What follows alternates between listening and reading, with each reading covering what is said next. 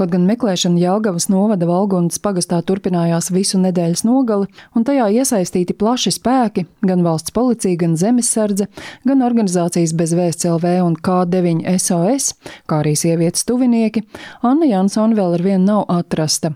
Par to, kā meklēšanu paredzēts paplašināt, stāsta valsts policijas pārstāve Simona Grāvīte. Šodien mēs turpinam sievietes meklēšanas pasākumus, un tajos ir plānots piesaistīt ūdensklīdējus un dronu, lai pārmeklētu teritorijas Jelgavas novadā, Valgundas pagastā.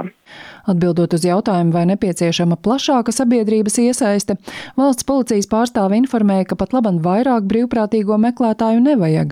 Taču atsaukties aicināti cilvēki, kuriem automašīnās ir video reģistrātori un kuri 1. novembrī laika posmā no 11. rītā līdz 5. vakarā ir braukuši pa autoceļu P101 starp Liepājas šoseju, kur ir apdzīvota vieta Kaļķis, un Vēnspils šoseju, kur ir apdzīvota vieta kūdra. Tad jāsazinās ar policiju, zvanot pa tālruni 110. Atsaukties lūgts arī viens cits, kuram varētu būt kādas ziņas, kas varētu palīdzēt Annas Jansons atrašanā, piemēram, cilvēki, kuriem šajā apvidū ir mežu īpašumi un tajos izvietotas novērošanas kameras. Publiski policijai veltīts daudz pārmetumu par novēlotu reakciju un komunikācijas trūkumu, bet tos valsts policijas pārstāve Simona Grāvīte noraidīja. Valsts policija bezvēst pazudušās sievietes un bērnu meklēšanu sāka nekavējoties, līdz ko tika saņemta informācija par viņu bezvēst prombūtni. Un tika veikta plaša mēroga meklēšanas darbības, kā tas tiek darīts visos šādos gadījumos.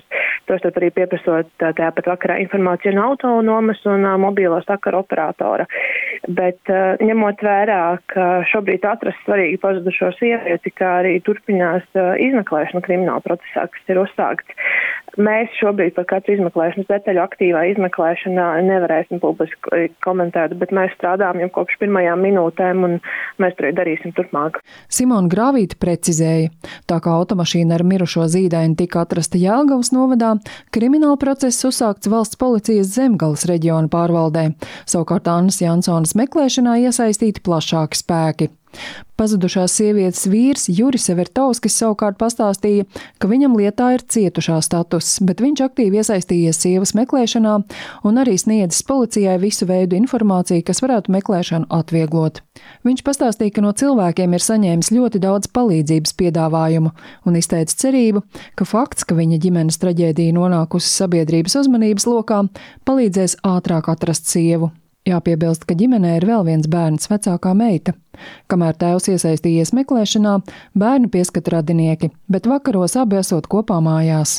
Zana Eniņa, Latvijas radio.